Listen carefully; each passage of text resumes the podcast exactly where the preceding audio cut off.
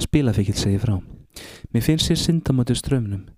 Mér langar svo að gera allt sem ég get til að hjálpa öllum þeim sem þurfa að hjálpa að halda. Þegar þeir eru svo margir. Svo tala ég líka til þeirra sem standa að horfa á, þegjandi eða dæmandi. Þetta kemur okkur öllum svo sannlega við. Þetta er heimurinn sem við höfum skapað sjálf. Við hljótum að vera hérna fyrir hvort annað. Þeir sem eiga erfitt og þurfa hjálp eiga ekki að standa út í hodni og skama sín. Ég ætla að segja ykkur sanna sögum sjálfa mig í þeirri vonum að það getur breytt einhverju.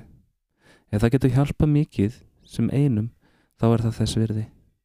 Ég bjó í Noregi þegar ég var lítill. Ég fluttist þanga með móðminni og fórstuföður eftir fjórðabæk. Ég var á kafi í íþróttum, átti við veld með námið og var sannarlega fyrirmyndar ólingur. Það var ekki fyrir henni tíundabæk þegar það byrtist pókerspilakassi í sjópunni rétt hjá skólanum. Við vorum nokkur skólabræður sem urðum heldteknir á spilakassanum og þóttum þetta mjög spennandi og vorum fljótfærnir að horfa hvorn annan spila. Ég var álega heimil lifandi að hafa fundið þessa auðvölduleið til að ná mér í pening og var ekki lengi að telja með trúum að ég væri búin að læra á kassan og gæti því grætt að meðan aðrir töpuðu. Á mjög stöttum tíma átti kassin í sjópinni allan hugminn. Ég tók ekki einu svona eftir því að ég var farin að stela klinkjur úr vöðsum fóröldra minna til þess að fara með í spilakassana. Ég fóru til sjópu, stundum marga ferðar á dag. Ég sagast þeirra að fara til vina minna. Þeim fannst þetta orðið skrítið á að þeir tóku slíka ferðir marga klukkutíma en allt í einu voru þær að orna 10-15 mínútur. Þau sáu stóra breytingar á mér. Ég man að mamma spurði mig hvað væri orðið af glampanum í augum mínum. Ég lokaði mig bara inni í herbyggjum mínu og var í tölfunni allum stundum. Þarna var ég ekki nema 15 ára gammal. Ég hafði enga hugmynd um hvert ég stemdi. Eftir jólinn í tíundabekk voru við ég og félagin minn byrjaðar að stela háum upphöfum til þess að geta spilað. Vinnu minn vissi pinnúmerið á debitkorti móðu sinnar og ég á nóttinni tókum við út pening af korti hennar. Það hljómar eflist fyrðulega en okkur fannst við ekki vera að stela frá henni. Okkur fannst við að gera ekkert ránt því við fengum þetta jú auðvitað lánað. Fyrst voru þetta ekki nema örfóið þúsungallar en uppaðarnir voru fljótar að hækka og voru við farnir að klára útöktarheimildina. Móður hans botnaði ekkert í því hvað var orðið öllum, öllum þessum peningum og hvernig þeir hurfi á undanlegan hátt á rekningi sínum. Hún var búin að ásaka alla í fjölskyldum meðlemi nema vinn minn áður en henni dataði hug að liti kóði drengurinn hennar geti hugsanlega verið að stela þessum peningum. Við vorum alveg hættir að hugsa um námið og einkonurnar voru þau sífælt verri. Fóreldra mínir voru að fara á taugum og vissu ekkert hvað það eiginlega gerst. Mamma var farin að spyrja mig hvort ég væri farin að nota eitulif. Ég hafði ekki einu sinni smakað áfengi. Eftir tíundabekkin flutti ég til föðumins í Reykjavík og hóf námi MR. Ég ætlaði að taka þetta með trombi. Ég byrjaði að vinna í sjóppu sem fæði minn áttum um kvöld og helgar til þess að eiga einhvern pening. Þeir fóru alltaf í spilakassa og voru búinir á tveimutugum eftir útborgun. Ég skammaðis mér rosalega. Það mátti enginn vita hvernig þetta var orðið. Það hefðu allir mikla trú á mér og ég vildi ekki breðast þeim. Ég varð að gera eitthvað. Árangurinn í skólanum var engin því ég skrópaði í skólanum. Ég var fastur út í sjópu. Ég misti að horfa á aðra að spila eða að spila sjálfur. Í skólanum náði ég yngri einbindingu. Ég byrjaði að stila upp peningakossunum í sjóppinu hans pappa. Hann fylgdist vel með peningamálum mínum og mátti alls ekki komast að því að ég var alltaf orðin blankur öðrun degi hvers mánuðar. Ég tók því peningur peningakassanum svo ég geti sínt honum. Ég náði að kaupa græna kortið og eina pulsu áður en ég var búin að eða öllu í spilakassan aftur. Þá þurfti ég að taka meira. Hvernig minn leiðstundum er ólýsanlegt en þó enn ólýsanlegra hvernig mér tókst að kingja öllu og brosa framann í alla. Þetta var helvíti. Ég reyndi að hætta hverjum degi, reyndar í hvert skipti eftir að ég var búin að spila, en einhvern veginn leiti hausið mig alltaf á sama stað aftur. Ég sökk bara lengra og lengra.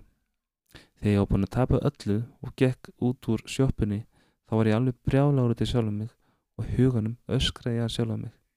Hvað varst að spá? Þegar það var jafn fáránlegt að henda sér fram að bjargi. Engin botnar í því að hverju öskupunum og ekki þú heldur. Þú skellur á jörðina og þá er ekkit annað að gera en að klifra upp aftur. Þú neykslast og hugsa um það allan leiðina upp. Hvað þú er eiginlega verið að spá. Loksins eða þú skrýður upp á síðustu brúnina þá snýru þér við og hendi þér aftur niður.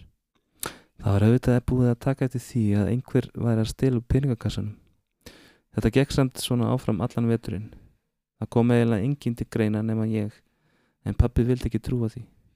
Það var ekki fyrir en móðir kærastu minnar komst í bref sem ég hafi skrifað henni.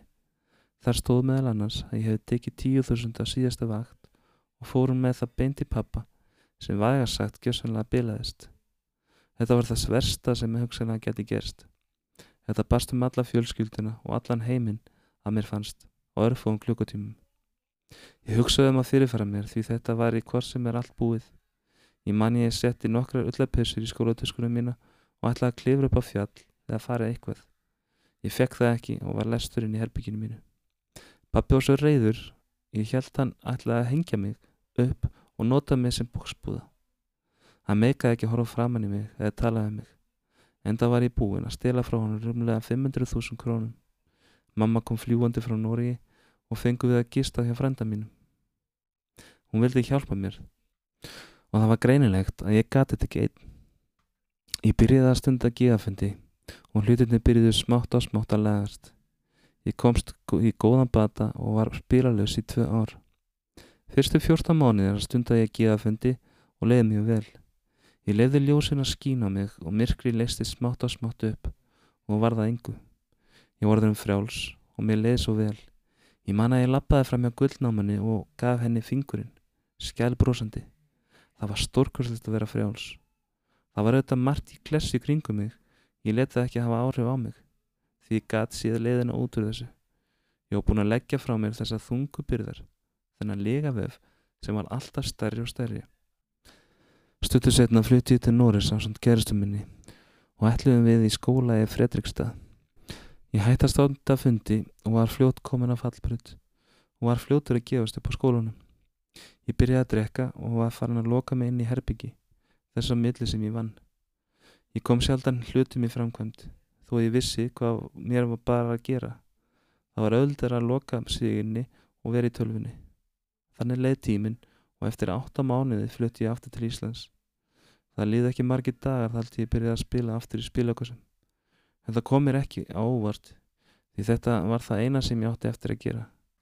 Flestir eiga líklega erfitt með að skilja því líkan halvvitaskap eða jafnvel aumingiskap að eigða öllum peningunum sínum svona í spilakassa. Ég ætlaði ekki að eigða meiru enn. Segjum 500 krónum eins og ég hafði oft sagt því sjálf að mig. Þegar 500 kallin var búinn, þá fer maður með klingið því það skiptir hvort sem er engum máli. Það klárast fljótt og sjálfsbleikingin heldur áfram. 1000 kall og þá er ég farin. Maður dopnar allur upp og seðlarnir sógast inn í spílekassan. Maður vinnur kannski 20.000 einhver staðar en heldur að bara áfram að spila. Maður er búin að tapa svo miklu að maður getur ekki hætt. Smá upphæðir skipta engum máli. Peningarnir verða bara einhverjum matadórpeningum, einingum til að geta spilað.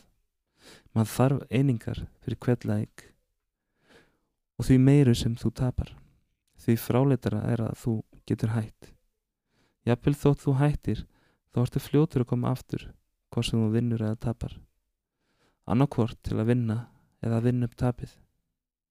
Þú hættir ekki nema þú með hjálp því þetta skiluð eftir sig stórt tómarum með þvíleikri vanlíðan og þunglindi.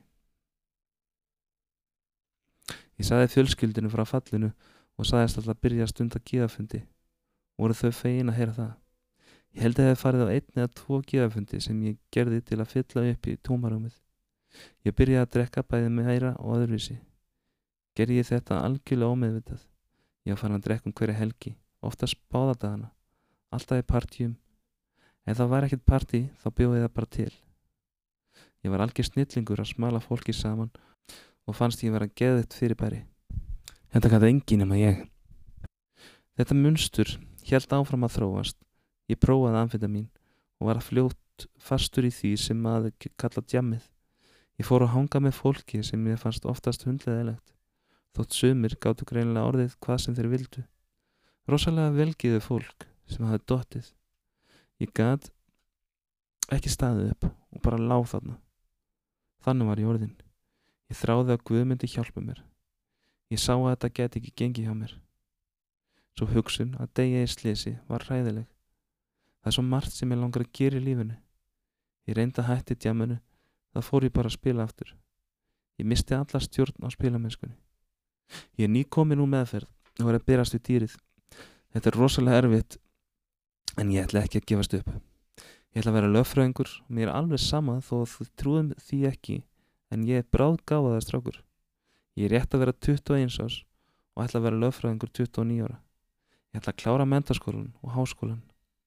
Þegar þú setur peninga í spilakassi í gullnámanni þá segja þér oftast eitthvað. Meðan annars, velkomin aftur, þú rataði rétt. Ekki hlusta á þá, heldur skaltu snúðar við, hlaup út, þú getur svo sannarlega átt lífið að launa.